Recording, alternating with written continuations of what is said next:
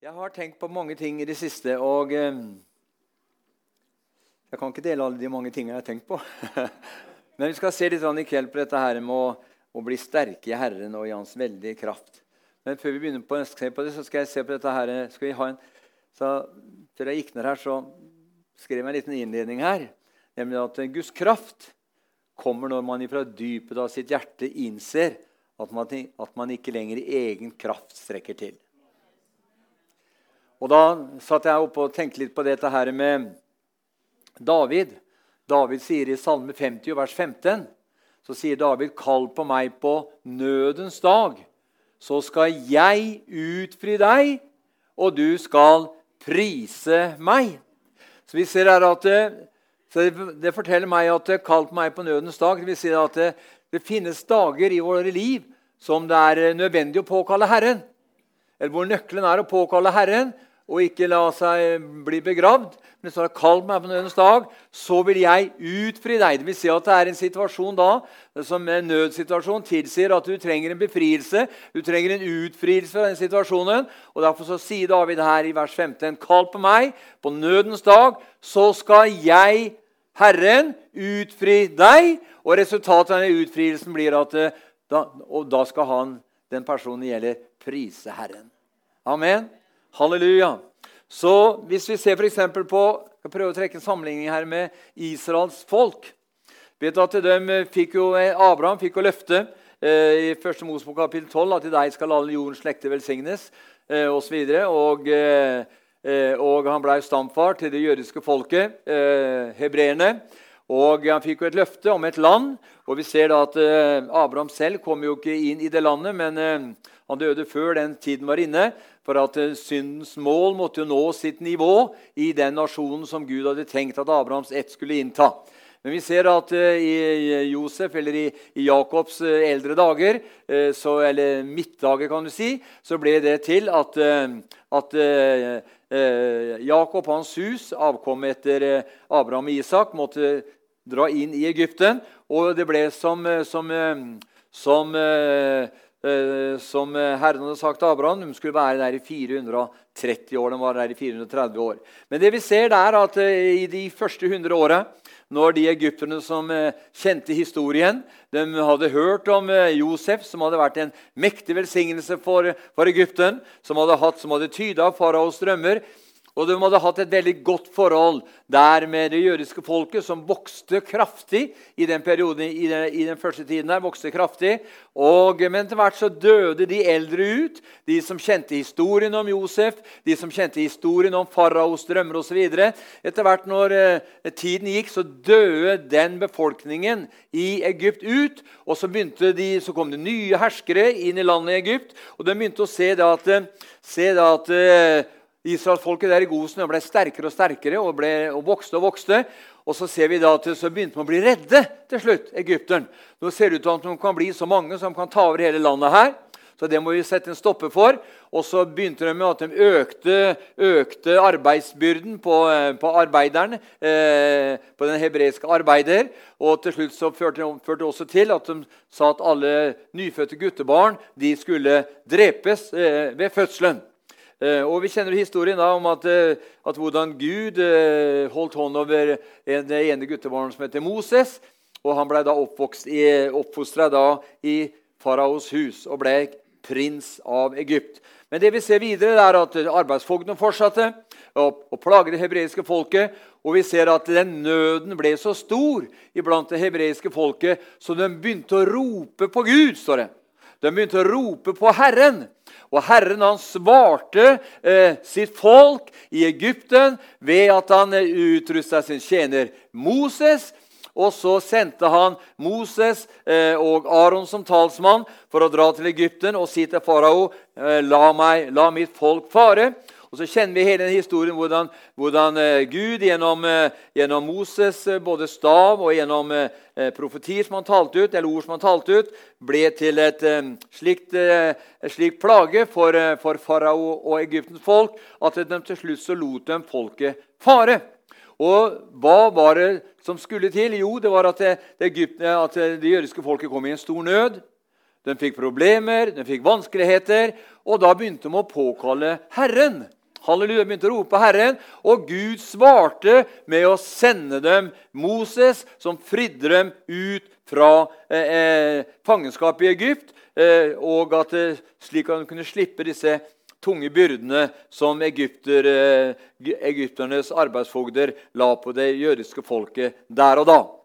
I Daniel 12, venner, så ser vi noe om eh, og den, den, historien her kommer til, å, den, altså den kommer til å gjenta seg. Ikke akkurat på samme måten, men, eh, men, eh, men i tilsvarende, på tilsvarende Eller på en, tvil, altså en tilsvarende måte, men ikke samme måte. Men i Daniel 12 så leser vi her i, i, i vers eh, 7, så står det her Og jeg Daniel 12, ja, vers 7. Og jeg hørte hva mannen sa han som var kledd i hvite linklær og sto over elvens vann. Han løftet sin høyre hånd og, sin, og sin venstre hånd opp mot himmelen og sverget ved ham som lever i evighet, en tider og en halv tid, altså tre og et halvt år. Og når det hellige folks makt er fullstendig knust, skal alle disse ting fullendes. Og når, alle, og når, det hellige folk, altså Israelsfolkets eh, eh, makt, er fullstendig knust, skal alle disse ting fullendes. Og eh, Så sier han videre her til vers 9, og han sa, Gå bort, Daniel, for disse ord skal være skjult og forseglet inntil endens tid. Og eh, eh, så kommer om det offeret, eller det stadige offeret ble avskaffet, og den ødeleggende styggedommen blir stilt opp, skal det gå 2290 dager. Det vil si at, Og salig er den som venter nå fram til 3, eller 1000, eller 1335 dager. Slik som jeg tolker akkurat det, så ser du at det her står om 1290 dager og 1335 dager. I åpenbaringsboken handler det om to ganger 1260 dager. to ganger 3,5 år. Men eh, Daniel han går litt lenger her. Han snakker om det fra 1260 til 1290, altså 30 dager. Det tror jeg er slaget ved Harmageddon. Skal ikke prate om det nå, men det er 30-dagersslaget, eh, hvor Herren, Herren, Jesus kommer for å ta et oppgjør med Antikrist. Og de siste 45 dagene, fra 1290 til 1335, det er de 45 dagene hvor Jesus sitter i Josafas dal og dømmer alle hedninge nasjoner ut fra sitt forhold til Israel. Og da er man inne i det tusenårige riket. Men eh, men vi skal la det ligge. Men det som, er, det som jeg ville ha fram her, det var det som sto i vers 7. Eh, en tid og tid og en halv tid, og når det hele folks makt er fullstendig knust, skal alle disse ting fullendes, sier Daniel her. Og eh, Han taler om det hellige folkets makt skal bli helt knust. Men videre så ser vi at eh, om den blir helt knust, så blir de ikke tilintetgjort. For det kommer til å skje noe av det samme her som, som skjedde eh, i forbindelse med Israelsfolket i Egypten. De var i ferd med å bli helt ødelagt. Og her er det like før de blir tilintetgjort. Eh, og da for at Gud tillater at det hellige folkets makt eh, eh, blir knust for en periode på eh, 1260 dager. Men så ser vi her i Sakarias 14, og i vers 3-8 så leser vi her For Herren skal dra ut og stride mot disse hedningefolk, som han før har strid på kampens dag. På den dag skal hans føtter stå på Oljeberget, som ligger midt imot Jerusalem i øst. og Oljeberget skal revne tvert over mot øst og vest, så det blir en stor dal. Den ene halvdelen av fjellet viker mot nord, den andre halvdelen mot sør. Og dere skal flykte til dalen mellom mine fjell. For dalen mellom fjellene skal nå like til Asel. Dere skal flykte som dere flyktet for jordskjelvet til Judas konge Ussias dager. Da skal Herren min Gud komme, og alle hellige med deg, min Gud. På den dag skal lyset bli borte, og de herlige himmel skal bli formørket. Ehm, det skal komme en dag, Herren kjenner den. Det skal verken være dag eller natt, men mot kveldstid skal det bli et lys. Og på den dag skal levende vann strømme ut fra Jerusalem, den ene halvdelen til havet til øst og den andre halvdelen i havet i vest. Både sommer og vinter skal det være slik. Her her snakker Sakarias helt til slutten av, kapittel, slutten av boka si om, eh, om, situasjonen i forbindelse med Jesu gjenkomst til Oljeberget, når han kommer med alle de hellige. Men hvorfor kommer han akkurat der og da? Jo, fordi at um, tidligere i Zakaria kapittel 12 og i, i vers 10 så leser vi her at um, Men over Davids hus og Jerusalems, og Jerusalems innbyggere vil jeg utgjøre nådens og bønnens ånd. Og da skal de skue opp til meg, som de har gjennomstunget, og de skal sørge over ham som en sørger over sin enbårne sønn, og klage sårt over ham, slik som en klager over sin førstefødte. Jeg skal ikke gå dypere inn her, men det, her, det vi ser her, det er at Israel kommer til å komme i en slik situasjon hvor de kommer i virkelig nød. Og da gjelder også eh, Salme 50, 15. Eh, kalt meg på nødens dag, så jeg skal utfri deg, og du skal prise meg. Og Her ser vi at Israelsfolket, som er et meget stolt, eh, håndmodig, et eh, vanskelig folk å ha med å gjøre eh, Herren utvalgte ikke Israel for at det var det snilleste og beste og mest harmoniske folk å ha med å gjøre, men for at det var det mest hårnakkede folket å gjøre. Det var det vanskelige folket. Og så ser vi da at med til slutt så, så er det like før at da er det sånn at det er like før de går til grunne og blir borte som folk. Det er en rest, og da skal de rope. For, eh, for uh, uh, Jesus sier i uh, Matteus 23 jeg kommer ikke tilbake til dere, sier for det roper vel 'signet være han som kommer i Herrens navn'. Og Vi ser her at her skjer det altså at, um, at de ropte på Herren. Venner, slik er det ofte for deg og meg også.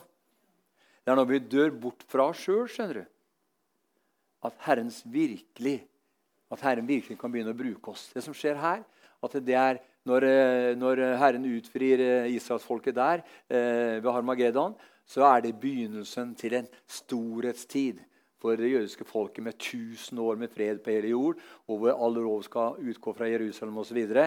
Du ser at det er ofte et, et crescendo av negativ art før herligheten manifesterer seg. Sånn kan vi se gjennom hele historien på forskjellige måter.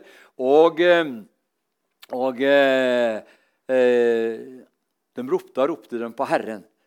For han utgytte av ånden og nådens bønn over dem, så de fikk kraft til å be. Og når ånden og nådens bønn kom over dem, eller nåden og åndens bønn kom over dem, så førte det til at uh, den himmelske herskaren med Jesus i spissen gjorde seg rede for å reise ned til jorderiket.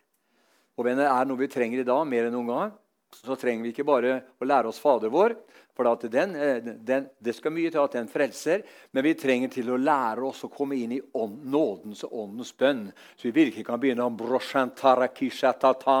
Vi kan begynne å rope til Gud ut fra dypet av våre hjertevenner. Så vi kan begynne å legge festninger i grus. Amen. Og ta, og ta, og ta fienden til fange under lydighet mot Kristus Jesus må ikke oppfatte meg at jeg mente noe altså negativt om Fader vår her, men jeg tror at det er, en, det, er en, det er, en, bønn som blir født av Ånden, og som kommer fra dypet av vårt hjerte, hvor, ikke, hvor ikke, det er du og jeg som førte for en sper, men vi kommer i et samarbeid med Den hellige ånd. Så Den hellige ånd begynner å be gjennom deg og meg. Så du og jeg vi blir en kanal for Den hellige ånds bønner. Og den, når Den hellige ånd begynner å be, venner, så ber den totalt i overensstemmelse med det som ligger i Guds hjerte.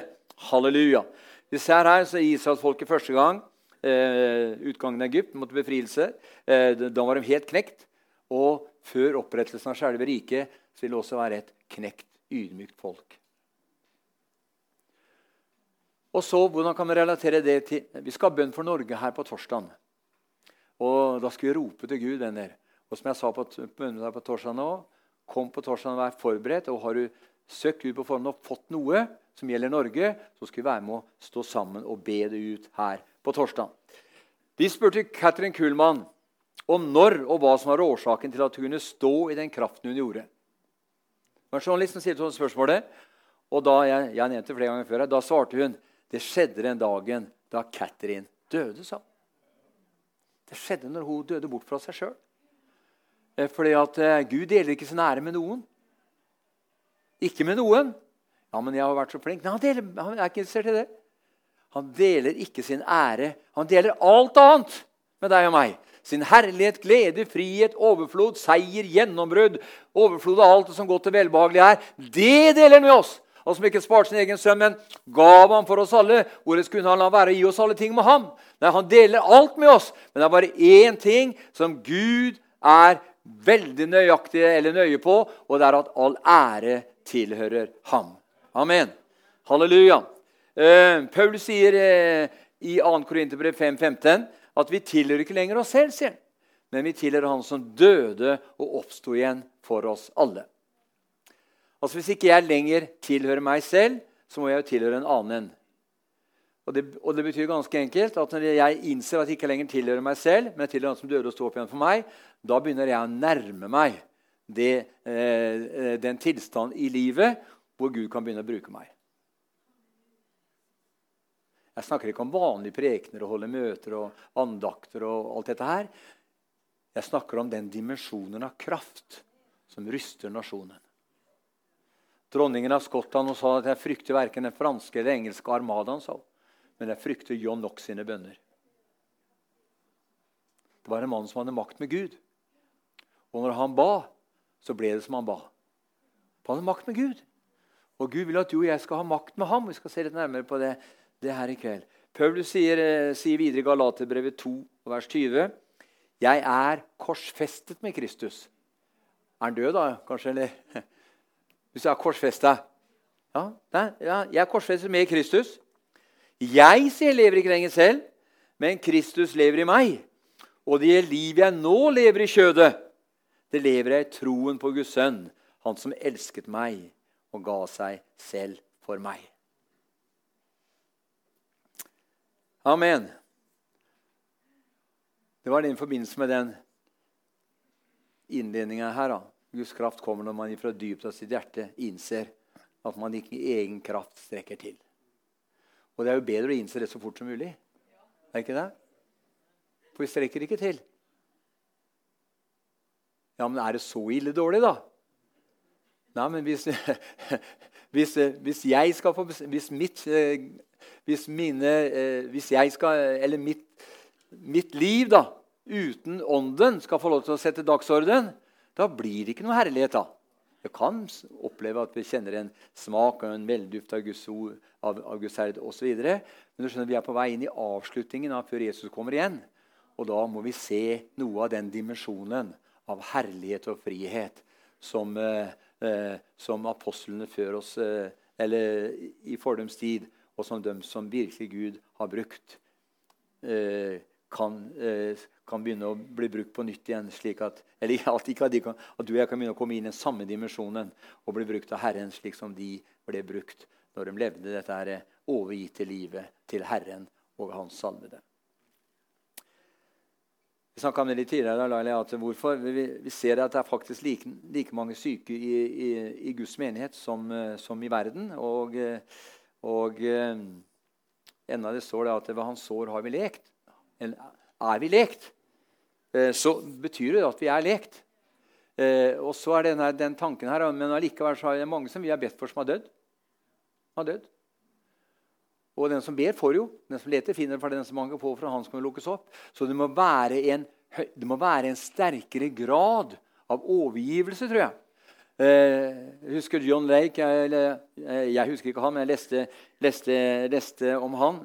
Han, eh, han, han, han, var i en situasjon hvor den ene etter den andre døde i menigheten hans. Og, og han ropte til Gud og ropte til Gud. vet du.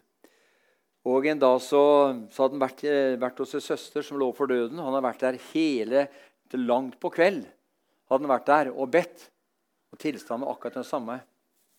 Men så hadde han veien sin til kontoret hadde han forbi det huset der den der syke dama bodde. da.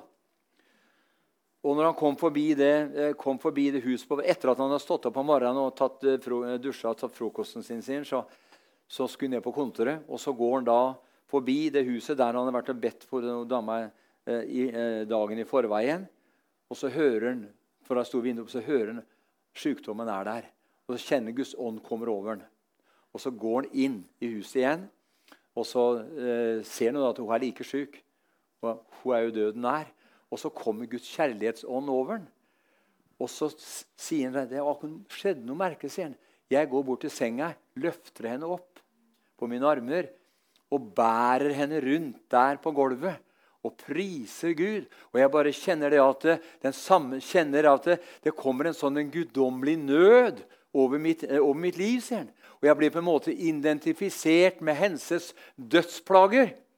Og det resulterte i sånn, at i det øyeblikket jeg identifiserte meg med henses eh, dødelige sykdom og plager, boff, sa det sånn, så ble hun helbreda. Så han, han, var litt innpå det videre. Så, så stansa død, eh, eh, døden i hans menighet fordi at, eh, han forsto at det, det hjalp ikke for ham å bare sitere skriftsteder. Det hjalp ikke for han å bare sitere hva Guds ord sa. Men han måtte, han måtte komme inn i den samme dimensjonen som Jesus var i. Det er som at Jesus ynkres inderlig.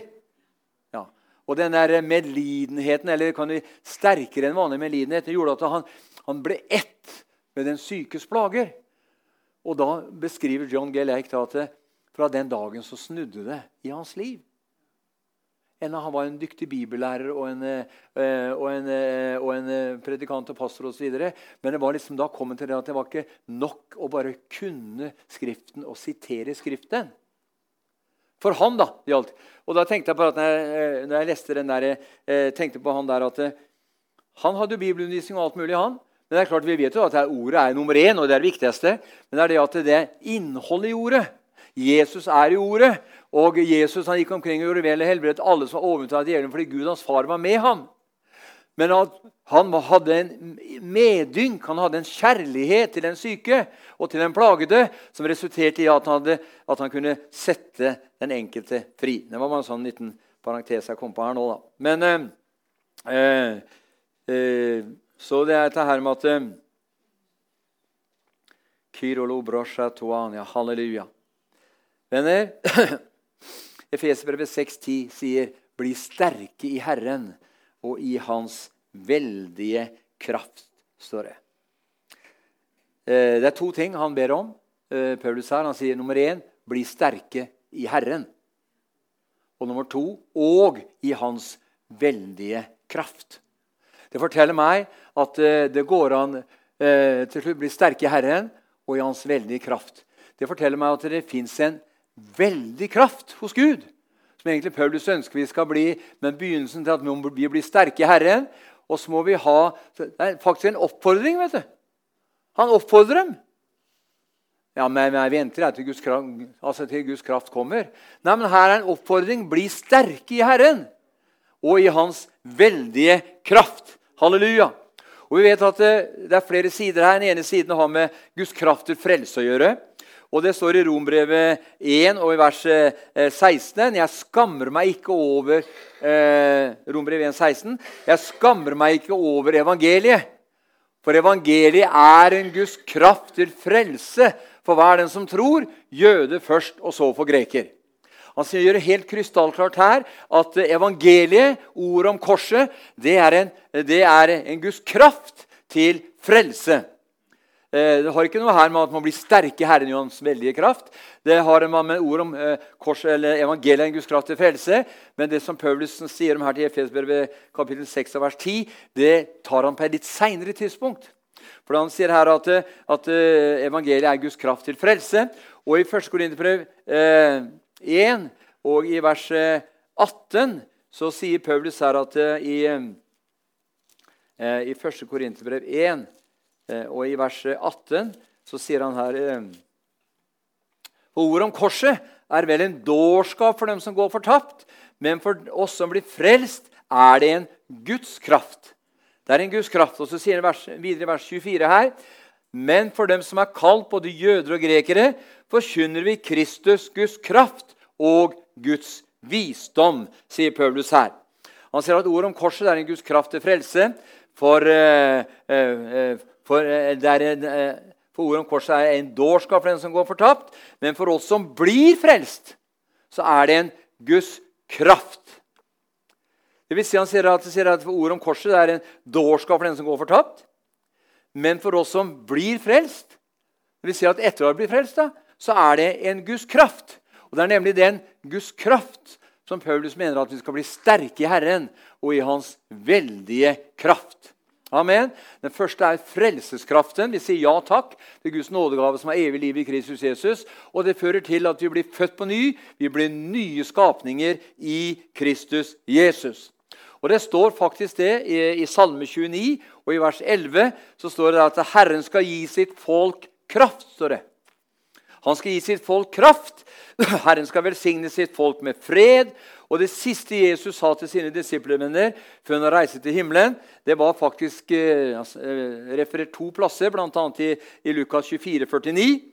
Lukas 24, 49. Og jeg sender over dere det som min far har lovet, men dere skal bli i byen inntil dere blir iklevd kraft ifra det høye. Altså, De skulle ikke begynne å, å gå handle, på, handle eh, på, i egen kraft, men de skulle bli i byen inntil de ble utrustet med kraft ifra det høye. Og i Apostlene 1,8 det kjenner vi jo veldig godt, at men dere skal få kraft. For de, de var opptatt med at de gjenreiser du på en tid rike for Israel osv. Og, så og da svarer Jesus at det er ikke det dere bør være så opptatt med nå, men dere skal få kraft, sier han. Den hellige ånd kommer over dere, og dere skal få være mine eh, vitner både i Jerusalem og i hele Judea og i Samaria og like til jordens ende. Og vi ser jo det at i apostlene 2 så falt jo ånden. Da falt ånden. Det som, hadde, det som hadde sagt om i Lukas 24, det skal bli i byen inntil bli ikke kraft. Og, og i apostlene 1,8 dere skal få kraft, Den hellige ånd kommer over dere. Og i apostlene 2 så ser vi at det fikk sin oppfyllelse. Da falt Den hellige ånd. Halleluja, det kom et jordskjelv, Den hellige ånd falt. Eh, og, og, og, så, og så, som flammende ild delte seg og satte seg på enhver av dem. Og enhver begynte å tale i nye språk eller nye tunger, alt etter som ånden gav dem og tale, leser vi.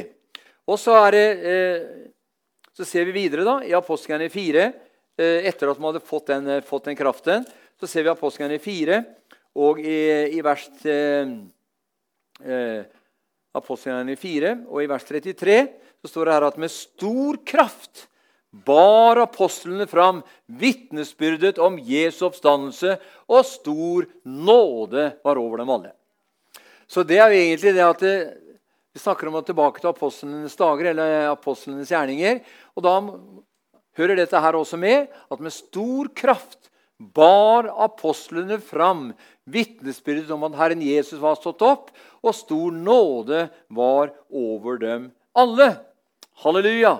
Så vi ser her at eh, Og, eh, og, videre, og så ser vi videre i apostlene 10, og i vers 34 så ser vi at eh, apostelen Lukas, som har skrevet, som skrevet apostelgjerningene, han minner oss om at Gud apostelgjerne 10, 38, han minner deg og meg om at Gud salvet Jesus fra Nasaret med Den hellige ånd og kraft, han som gikk omkring og gjorde vel, og helbredet alle som var overveldet av djevelen, fordi Gud var med ham.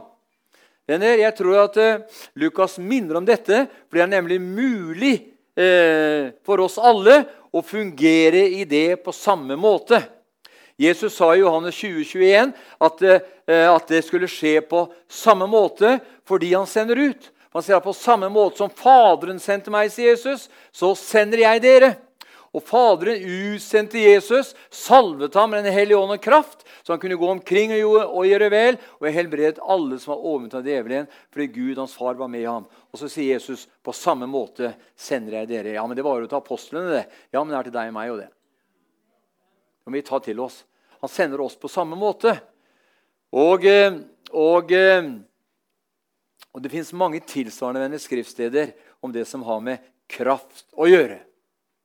Men La oss nå gå tilbake til, til Efesbrevet 6 vers 10. Hvorfor skal vi være sterke i Herren? Hvorfor skal vi det? Bli sterke i Herren og i Hans veldige kraft. Kan ikke, La oss ha litt sånn eh, toveiskommunikasjon. Hvorfor skal vi være sterke i Herren? Er det noen som har et forslag på det? Hvorfor skal vi være sterke i Herren? Dieter? Vinne, vinne folk, ja. Og gjøre Guds gjerninger, ja. Ja. Ja, og, og tåle motgang. Og helbrede syke, ja. Altså, Det er veldig mange grunner til at du og jeg trenger å være sterke i Herren og i Hans veldige kraft. Vi skal se på noen sider her ved, som har med sterkhet å gjøre. Gud vil jo nemlig at Han sier jo det. Han, han vil at vi skal sterke Herren og Hans veldige kraft. Og I Lukas 1, og i vers 80, så står det om døperen Johannes. Så står det her Johannes vokste opp og ble sterk i ånden. Ja, men det var i Den hellige ånd. Nei, han ble, sterk i, han ble sterk i sin egen utrustning. Han ble sterk i sin ånd. Han. I det han, eh, han ble sterk i sin egen i sin ånd. Johannes vokste opp og ble sterk i ånden. Altså, Han ble sterk i sitt forhold til den han skulle være en forløper for. Han ble på en måte sterk i, i, i Herren. Han var jo ennå ikke født på ny. Johannes, Han ble aldri født på ny, han. Uh, så, for det, ingen ble født på ny før etter Jesu oppstandelse fra de døde. Men inntil der så ble han sterk i sin ånd. Han ble sterk i ånden. Han ble sterk i sin ånd. Eh, han vokste opp og ble sterk i sin ånd. Og I 1. Korinterbrev 16, vers 13 så ser vi Våg, stå fast i troen, vær sterk. Han sier at «våk!» våg, det er å be. Så bønnvenner er en, en, av nøklene til å komme inn i, å, og, i å bli sterke i Herren. Våg, stå fast i troen, vær sterk. Altså, det er en oppfordring. Ja, men stakkars lille meg, da. Kan jeg bli sterk? Ja, det står det. Den svake siden er en helt osv. Vi skal våke, vi skal be. Vi skal være, stå fast i troen, og så skal vi være sterke. Alle de tre tingene er en oppfordring. Paulus sier 'våk'. Våk, sier han. Han ber oss om å våke, be. Stå fast i troen på Jesu fullbrakte verk og alt det han har tilveiebrakt. Og vær sterk, sier han. For vi trenger styrke nå til å stå imot denne, denne motstanden som kommer til å komme over hele landet vårt nå før Jesus kommer igjen. Og jeg hørte på talen til han, eh, til han Stefan Kristiansen. Eh, det var onsdagskveld eller torsdagskveld eller fredagskveld. Jeg husker ikke. Men det var en kveld han, han talte, talte eh, i Arendal der. Og han tok for seg så veldig mange ting. Eh, og så har jeg hørt på talen til han, eh, til han eh, Alf Magnus òg. Hvordan, hvordan, han på en måte går i rette vet du, med kristenheten, egentlig. Og spesielt kirkeligheten, da. Som han mener egentlig Og han trekker tilbake til 50-tallet og 60-tallet når han vokste opp. da. Han, og Norge hadde ingen olje. Det var ingen, eh, det var ingen mobiltelefoner i hvert hjem. Det var ikke noe iPad der i hvert hus osv. Men både barn og voksne hadde det bra. De hadde det bra. De hadde ikke kanskje så flust med penger som de var i dag, men de, de, de hadde det godt. Og, eh, og, gudsfrykten var mye sterkere i samfunnet, også, også blant politikerne. Så tok han et eksempel på eh, han hvordan situasjonen er i dag. da. Du har ikke lov til å si at det er mann eller kvinne. Og Stefan fleipa litt med det. Han tok et eksempel på det, at det var lokalpastoren i bygda. da. Han hadde hatt en uh, sending på lokalradioen. Og så hadde han sagt at uh, det finnes ikke noe annet enn en mann og en kvinne. Hæ? Kvinne er kvinne, og, menn er menn. Sånn var det han sa det. Og så, og så da ringte jo redaktøren da, vet i den der, eller journalisten fra den der den der Grendeavisa da, etter dagen etter og sa at vi hørte deg si da, at en kvinne er en kvinne og en mann er en mann. Hva mener du med det? Hva mener du med det? liksom? Ja, men Det stemmer liksom ikke overens med datidens eh, eh, byråkraters forståelse av, av, eh, av, kjønn. Har du tenkt å be om unnskyldning, sier journalisten til henne. For det at du uttalte at, at menn er menn og kvinner er kvinner. Ja, altså, begynte av og til, ja, det, var, kan hende at dere oppfatta meg litt feil. da. Så begynner sånn da, med litt sånn unnskyldninger. Og, men nå skal vi begynte å ro, vet du. Men nå skal vi sette ned en komité, en underkomité eh, i ledelsen i menigheten som skal vurdere dette her nøye og grundig, og så skal komme tilbake på et seinere tidspunkt. Han sier der er store deler av Kristi legeme i dag.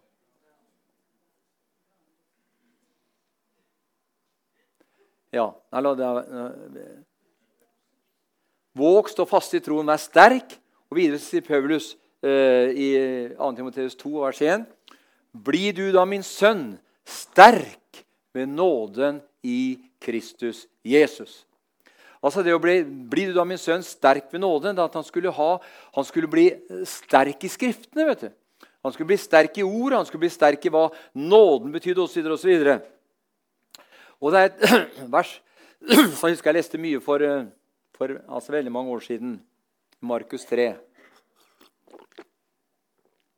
Og I vers 27 så står det her Ingen kan gå inn i den sterkes hus uten å først ha bundet den sterke. Markus 3, uten å først ha bundet den sterke, da kan han plyndre huset hans. altså, du, jeg kan ikke gå bort, og, eh, gå bort til en nabo som er dobbelt så sterk som deg sjøl, og si at nå, for å pelle deg ut, for nå skal jeg plukke ut det du har i huset ditt. Nei, Ingen kan gå inn i en sterkes hus og røve deg eier uten at han først har bundet den sterke. Og når han det har gjort, så kan han plyndre huset hans. Eh, Raner Punke kjørte på det at, eh, dette her med at, eh, at, han skulle, at, han skulle, plyndre helvete fra Cape Tom til Kairo. Det var hele hans visjon. I 40 år så kjørte han på den visjonen der. Og når Markus ser at ingen kom inn i sterkes hus eh, uten først å ha bundet en sterke, deretter kan han plyndre huset hans. Men la oss si hva Jesus sier i Matteus 16 og i vers, vers 19. I Matteus 16 vers 19 eh, så sier han her at eh, jeg vil gi deg himmelrikets nøkler. Det du binder på jorden, skal være bundet i himmelen. Og det du løser på jorden, skal være løst i himmelen. Altså, på grunn av Peter, og så kan vi også ta med, kan ta med Matteus 18, 18 også, med det samme Kristian. Matteus 18, 18. Eh, sannelig, sannelig, sier jeg dere, alt dere binder på jorden, skal være bundet i himmelen. Og alt dere løser på jorden, skal være løst i himmelen. Altså, Hvorfor fikk Peter denne, denne beskjeden? Jo, for at Peters bekjennelse var at Jesus Kristus er Herre. Og På den bekjennelsen så ville Jesus bygge sin menighet. Og den menigheten som Jesus får lov til å bygge, den har nemlig fått kraft. At alt det den menigheten som Jesus bygger, den, alt det den menigheten binder på jorden, skal være bundet i himmelen. Og alt det den menigheten som, eh, og, og videre, alt det dere løser på jorden, skal være løst i himmelen. Og så sier han videre og dødsrikets porter skal ingen få makt over den. Det betyr ganske enkelt at når Jesus får lov til å bygge sin menighet for Han sier i, sier i Salme 127 hvis ikke Herren bygger huset, så arbeider bygningsmennene forgjeves. Så vi kan ha kurs i hvordan bygge menigheten helt sterk osv. Men nøkkelen er at vi må, eh, vi må bli sterke i Herren og Hans veldige kraft. Og så må vi, eh, så må vi bli, eh, så må vi la han få lov til å virke i oss på en slik måte at han får lov til å bygge sin menighet. For når han bygger sin menighet, hans menighet, ikke hva den ene eller andre måtte finne på og sette opp og lage i stand til, men Jesu Kristi menighet Det, det den menigheten binder på jorden, skal begynne til himmelen. Og det den menigheten løser på jorden, skal være løse til himmelen. Og det, det vil si med andre ord, det den menigheten befaler i Jesu navn, slik blir det. Amen. Halleluja. Så når det gjelder hans Kjell full av kreft, så kan vi si Kjell, jeg befaler denne kreften i din kropp å slippe her og nå i Jesu navn! Det hadde holdt. Og det holder også for den menigheten som Jesus får bygge. Det er den menigheten binder på jorden, skal binde til himmelen. Og den menigheten eh, eh løsen skal være løst i himmelen, osv. For dødsrikets porter får nemlig ingen makt over den menighet hvor Jesus er totalt herre. Jesus sa, 'Dere kaller meg Herre, Herre', sa han. Men jeg er det ikke for dere. Dere kaller meg Herre, Herre. Men likevel så gjør de ikke hva jeg sier. Og her har vi et av svarene. Vi kaller ham Herre, Herre, men vi gjør ikke hva han sier. Og derfor så blir det ikke noe resultat heller. Men nå, før Jesus kommer igjen, venner, så vil Herren at vi skal komme inn i fullheten av hans kraft og hans styrke til at vi kan begynne å byde. Vi kan begynne å binde, vi kan begynne å løse, vi kan begynne å sette plagede fri.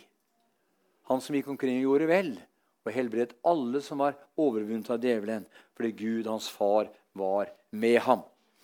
Det står nå i Lukas 11 og i vers 21-22 eh, så står det det. Lukas 11, vers 21-22. Så sier Jesus her når den sterke med våpen vokter sin egen gård, får hans eiendom være i fred. Men når en som er sterkere enn han, kommer over ham og overvinner ham, da tar han fra ham hans våpen, som han hadde satt sin lit til, og hans bytte deler han ut. Når den sterke med våpen i hånd Her er det bildet her er bildet på fienden. Da får han være i fred. For denne verdens Gud har forblitt til vantro sin, som ikke ser lyset fra Guds herlighet osv. Denne verdens Gud, han har våpen. Det er løgn, det er bedrag, og det er, og det er manko på forstand. Vi folk går til grunne pga. manko på forstand, sier Hosea. Og pga. manko på forståelse og, på, og, på, og på manko på forstand så, så, blir vi, så blir vi lamme. Og Det er derfor vi skal bli sterke i Herren. Og i hans veldige kraft. Så vi kan begynne å utøve den guddommelige autoriteten som Gud har gitt oss der ovenifra i Kristus Jesus. Amen. Halleluja. Når den sterke med våpen vokser sin egen gård, får hans eiendom være i fred. Men når en som er sterkere enn han, kommer over ham og overvinner ham, overvinner ham, da tar han fram hans våpen, som han hadde satt en lit til, og hans bytte deler han ut. Med andre ord krigsbytte. Venner, Jesus vant en evig forløsning på Golgata kors. Når han ropte ut det var fullbrakt. Han triumferte over ham, står det, idet han stilte ham åpenlyst til skue. Gud i Kristus Jesus stilte fienden åpenlyst til skue idet han triumferte over Satan der på, på Golgata kors. Så kan vi si at, eh, og vi ser at Etter at Jesus døde, så gikk han ned til dødsriket. Ikke sant? Var der i tre dager og tre netter. Og Så gikk han inn, og så ble han først levendegjort i ånden. står det. Og Så gikk han inn i dødsriket og så Først så talte han for de åndene som var ulydige på noe av sin tid. og holdt en vekkelsesmøte der. Så gikk han inn i Abrahams kjød, og så tok han opp For da hadde, han, da hadde han beseira den onde. Da hadde, da hadde, da, og så tok han med seg alle opp.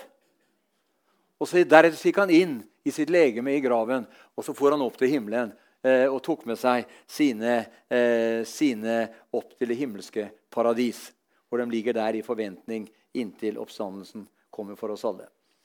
Videre så ser vi her at eh, så, eh, han hadde han tar han fra ham hans våpen, som han hadde satt sin lit til, og hans bytte deler han ut krigsbytte. Og når jeg satt og tenkte på det litt, så tenkte jeg på det at eh, krigsbytte, ja. Kan vi være med på å ta noe hærfang, vi òg, eller? Hæ? Altså, det hadde vært veldig Ordet moro var feil, men det hadde vært veldig sterkt. da å se det som 10 000 blir frelst her i området eller i Østfold i løpet av kort tid, det er å ta hærfang. Og du skjønner at det Skal vi kunne begynne å ta hærfang, så må vi komme inn. Da må vi bli sterke i Herren og i Hans veldige kraft. Og Han sier her i Esaias 24, eh, og vers 24-25 Kan vel noen ta hærfanget fra en kjempe? Eller kan fangene slippe fra den som de med rette tilhører? Ja, for så sier Herren, både skal fangene tas fra kjempen, og voldsmannens hærfang ikke slippe unna, og med din motpart vil jeg gå i rette, og dine barn vil jeg frelse. Venner, Vi ser her at eh, kan noen ta hærfanget fra en kjempe? Ja. Jesus tok hærfanget fra han, han, han steg først ned til jordens, jordens lavere deler og bortførte fanger.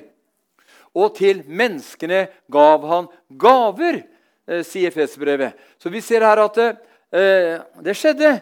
Eh, og, og, og, vil, og, dine barn vil jeg frelse. Så du skjønner at Hærfang blant annet, det har med det at mennesker skal bli frelst å gjøre. Eh, og, og Salme 24,8 sier, sier noe om, eller sier hvem er denne herlighetens konge, står det. Herren sterk og veldig, eller mektig i strid. Hvem er denne ærens konge, eller herlighetens konge, står i 88-årshelsen. Hvem ble denne herlighetens konge? Herren sterk og veldig. Herren mektig i strid. Vi, du og jeg, vi er, skapt, vi er skapt i Guds bilde. Til mann og kvinne skapte han dem. Vi er skapt jeg tror Jesus har, eh, Både Faderen og Sønnen har ikke seks armer og, fire, og tre ben. og sånn. De har to armer og to føtter. De er skapt i Guds bilde til mann og kvinne. Og, eh, eh, og Hvem er denne herlighetens konge? Jo, det er, vi kan si det er Herren. Herren sterk og veldig, Herren mektig i strid. Og Det står noe om at han trener våre hender opp til strid. står det. Det betyr ganske enkelt at det er, det er en, eh, eh, vi er en soldat i Guds rike. Og en soldats dager, venner, er dager av strid. Det er det som er en soldats oppgave. Er å, han er en stridsmann. Og du og jeg er i Kristus Jesus stridsmenn og og stridskvinner, utvalgt i Kristus Jesus fra før verdens grunn var belagt, for at vi her og nå i tiden skulle leve og herske med ham. Men det er faktisk umulig å oppfylle det Paulus sier i Efesbrevet 2, at vi skulle leve og herske med ham uten at vi blir sterke i Herren og i Hans veldige kraft. Så er det noe vi trenger nå før Jesus kommer igjen venner, mer enn noen gang, så er det å bli sterke i Herren og i Hans veldige kraft. Og Det er noe Gud har talt meg helt siden bønnemøtet her for 14 år siden. akkurat dette her, At vi skal bli sterke i Herren. Det er ikke fullt 14 år siden, men sterke i Herren og i Hans veldige kraft. Det handler om mener, at eh, skal vi være med på oppløpet før Jesus kommer igjen. Vi er på oppløpssiden, skjønner du. Men det er siste runden som teller. Og der, der trenger vi å bli sterke i Herren og i Hans veldige kraft. Fienden skal bøye kne for deg. Sykdommen skal bøye kne for deg! Amen. Og Noen ganger så Smith Wiggesvort sa det, noen ganger så må du, må du bli litt ergerlig. sånn. Og Han tok det eksempelet der med bikkja som ikke ville gå hjem. vet du. Hvor Han sier da at han sto på bussholdeplassen, og så, og så kom hun til en så sto, liten, så sto en dame der. Og så sier hun Sitt der hjemme, bisken, vær snill, stikk hjem. Bikkja ville ikke gå hjem. Der, vet du. Men så kom bussen, og da ble kjerringa livredd. vet du. Og så, så, sånn, så, så sa hun 'Kom deg hjem!' skrek hun. vet du. Av all sin kraft. Så, og De andre på bussholdeplassen og de lurte på hva som skjedde. Og bikkja ble livredd og løp hjem. Og så talte Gud med han sa 'Akkurat sånn må vi gjøre med djevelen'. Sånn. Stå ham imot fast i troen, og han skal fly fra deg. Men forutsetningen for å stå fienden imot fast i troen skal fly fra oss, er at vi er Gud undergitt. Jeg har meg undergitt. Og så har vi vokst opp, og så blir vi sterke i Herren og i Hans veldige kraft. Og Den samme Smith Wigglesworth han sa det. For han var en enkel mann. Var ingen, når han gikk på butikken, kunne ikke se at det var en krigsmann. vet du. Men han sa når han ble 'Jeg er 100 ganger sterkere', sa han på innsida enn på utsida. Jeg er 100 ganger sterkere på innsida enn på utsida. Og når Herrens ånd kom over vet du. Amen. Men når det, var, når det var nødvendig å håndtere saker og ting, så håndterte han saker og ting.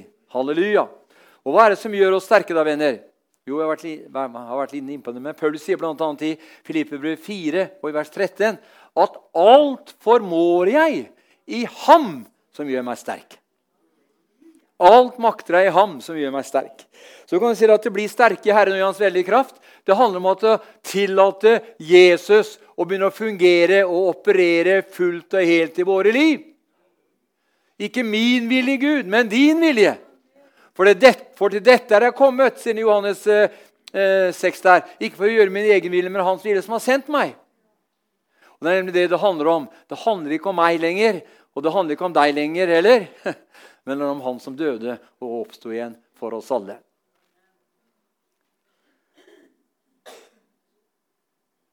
Før i tida så kunne, man, si, så kunne man eh, drømme om liksom, eller tenke ja, jeg skulle gjerne jeg skulle ordne med det jeg skulle gjøre det, jeg skulle gjøre det, jeg skulle ha det og det. Og det. Men i det, i, det, i det, siste så har jeg kommet fram til én ting. at Materialismevenner betyr overhodet jeg, jeg, tror jeg kan si det 100 ut fra mitt hjerte. Materialisme betyr ingenting lenger for meg. Ja, Men liker jo ikke en god bil, da. Jo, det er noe helt annet. Men det er bare, det er et kjøretøy, det. Men materialisme i sin helhet betyr absolutt ingenting. For den, denne jorden den er spart til ilden. Amen. Halleluja. Jeg takker ham. Alt formår jeg i ham som gjør meg sterk. Og Paulus sier i 1. Timoteus vers 1, nei, kapittel 1, vers 12. Jeg takker Ham som gjorde meg sterk, Jesus Kristus, vår Herre. Vi, sier, vi ser her at I Filippebrevet sier han at alt formår jeg i Ham som gjør meg sterk, nemlig Kristus. Og i 1. Timoteus 1,12 så sier han jeg takker Ham som gjorde meg sterk, Jesus Kristus, vår Herre. Halleluja. Venner, han vil gjøre deg sterk. Men du må ville bli det. For når du blir sterk i Herren, så begynner du å kalle en spade en spade òg. Da tør du å si det som det er. Da er det ikke sånn at du til si sånn det er ikke sånn at du ikke sier det sånn lenger at du, du som røyker, må slutte å røyke, liksom, for det er ikke bra for deg. Derfor kan det hende at du sårer den personen. da. Men den dagen, den dagen du blir sterk i Herren, så sier du det som sant er. Ragnar Bunke var krystallklar på det. han. Var krystallklar. Jeg husker at vi var På en del av møtene til Arne Punke så, så, uten at jeg skal komme inn på det nå, så kom det, eller brukte noe tid på det, så, så hadde han sånne innbydelse til frelse. vet du. Og så, så, så, var, så var det så mange frelser som røkte. Ja, Men kom vi ikke til himmelen, da? Jo, som Halvard Halsen sa, jo, du kommer til himmelen. Du kommer mye tidligere, sier Halvard. men han, men han, da storma folk fram, og så kasta de tobakken og sigarettpakkene sine på plattforma. Haugevis var det. Sånn var det på en del tidlig på 80-tallet. Men de var radikale. Vet du hvorfor det? Jo, for de talte det som en hellig ånd ba dem om å tale. Ja, Og, så, og det, vi skal bli sterke i Herren og i Hans veldige kraft. Så eh, I, første, i Rombrevet 24 så står det Abraham ble sterk i sin tro idet han ga Gud ære. Så det går an å bli sterk i, i vår tro vet du. så vi kan gi Gud ære. Halleluja. Og I 1. Johannes 2, 14, annen del, så står det Jeg har skrevet til dere unge fordi dere er sterke, og Guds ord blir i dere, og dere har seiret over verden eller over den onde. Hva ser vi her? Jo, Vi ser her venner, at fordi Guds ord er i dem, så er de sterke. Hele veien så ser vi det. Nøkkelen er at Guds ord får ta bolig i oss. Guds ord i deg og Guds ord i meg gjør at du og jeg vokser i nåde. Og ikke bare nåde og kjennskap, men vi vokser i det å bli sterke i Herren og i Hans veldige kraft. Halleluja. Halleluja. Og Hvorfor skal vi være sterke da? Jo, Vi hørte det her, vi har sett folk fri, helbredelser, frelse osv. Jo, for at vi alltid skal vinne seier. Det er slutt på nederlagets tid. Hvem tenker på nederlagets tid på seierens dag? Og Det verste et menneske kan bli minnet på, det er sine nederlag. Men nederlagenes tid er forbi. De er forbi! Amen. Halleluja. Det bestemmer du, det. Ja, bestemmer jeg, sier ja, det bestemmer du, det. For han som bor i deg, han har seiret over denne verden. Så uansett hva som måtte reise seg mot deg og meg, så er det en besluttsomheten i ditt og mitt liv som gjør at vi seirer over en onde. Leste du her? Her?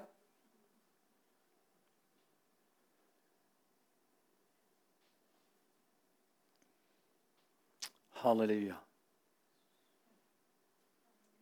Jeg har skrevet til dere unge fordi dere er sterke. Guds ord blir i dere, og dere har seiret over verden. Så Guds ord gjør at du blir sterk, og gjør at du seirer over verden. Og at du og jeg overvinner alt vi møter på våre veier.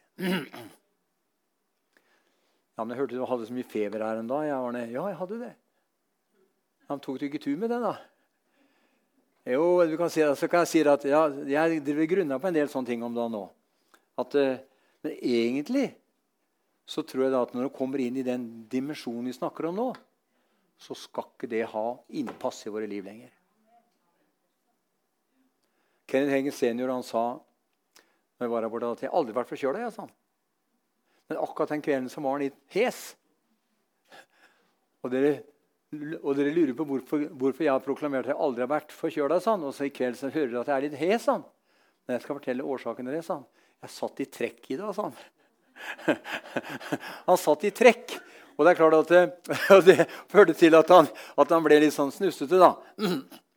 Så, men han var aldri sånn direkte Ja.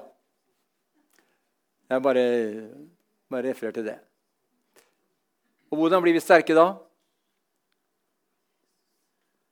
Eller eh, hvorfor skal vi være sterke? For at vi alltid skal vinne seier. Med andre ord åk skal brytes. Mennesket settes fri. Og at du og jeg overvinner alt vi møter på våre veier. Og hvordan blir vi sterke? Han sier bl.a. noe i Judas vers 20. Eh, Judas, eh, Judas brev. Det er det brevet før, før oppmaringen. Eh, eh, Judas vers 20 har man kanskje oppe før meg her. Ikke sant? Men dere, mine kjære, må bygge dere opp med deres høyelige tro under stadig, under stadig bønn i Den hellige ånd. Vi bygger hverandre opp over høyhellig tro med bønn. Men dere kjære, oppbygg dere på deres høyelige tro. Be i Den hellige ånd. Jeg husker Åge prekte her for noen år siden om dette i Korinterne, at eh, den som taler i tunger, oppbygger seg selv. Eller han styrker seg selv i Herren. Og Det står om, altså, det står om eh, David at han oppmuntret seg selv i Herren. står det. Så, men, det men, det står ikke noe om hvordan han gjorde det, da? Han sa jo, David, du er, du er han, ja, han kunne si forskjellige ting. vet du. Men han oppmuntrer seg selv i Herren. Og det kan du og jeg gjøre også. Vi kan oppmuntre oss sjøl. F.eks. du sitter i bilen og kjører så sier du at 'ja, min datter som er behagelig', sier Herren. Halleluja, sier du da. Og så, sier så kan du si videre at 'takk at du, har brukt, takk at du skal bruke meg, Herre', og, og 'takk at du har sett din nåde'. Du kan oppbygge deg sjøl i Herren. Takk at du styrker meg, Herre. Og du kan liksom, takk at du har styrket meg, osv. Du kan David oppbygger seg selv i Herren. Og når du taler i tungen, så oppbygger du deg selv. Amen. Så Det er derfor det var så viktig, for tungen er et våpen som du og jeg kan bruke i striden. Halleluja. Og Salme 1 sier, 'Salig er den som ikke sitter i syndere seter eller spotteres sus', men har sin lyst i Herrens ord og grunner på Hans ord dag og natt. Han skal være lik et tre plantet til rinnende bekker som gir sin frukt i sin tid, og alt hva han gjør, skal lykkes for ham, osv. Så det har med det ordet, har med ordet å gjøre. Og Josva sier jo at eh, det, Altså Det kan vi slå opp Kristian, eh, Josva 1, vers 8-9. Josva 1, vers 8-9. Denne loven skal du alltid ha på dine lepper. Le. Les fra lovboken dag og natt, så du trofast følger alt det som er skrevet i den. Da skal du ha framgang der du ferdes, og alt skal lykkes for deg. Jeg har jo sagt deg, vær modig og sterk. La deg ikke skremme og miste ikke motet, for Herren i Gud er med deg overalt hvor du går. Men han sier her, vær frimodig og sterk. Det er nemlig det Paulus sier her. Han sier at, at bli, vær, bli sterk i Herren og i hans veldige kraft. Faktisk en oppfordring. Ja, og det oppfordrer Gud deg og meg til også. For vi skal få være med og se ting vi aldri har sett før. venner. Vi skal få se døende mennesker bli momentant helbredet. Vi skal få se syke mennesker bli momentant helbredet. Vi skal få se mennesker som har bare ett bein, skal få et nytt ben gro ut. Det er tid for mirakler. Det er tid for tegn. Det er tid for under. Og det er tid for Guds uh, synliggjøring iblant sitt folk på denne jord. Og mye av det jeg snakker om nå, har gått mer eller mindre i tråd på disse stevnene som har vært rundt omkring så langt. Jeg har ikke hørt på alt, men jeg har hørt på noe. Og det har gått veldig mye på det at vi, det er tid for tegn, under og mirakler.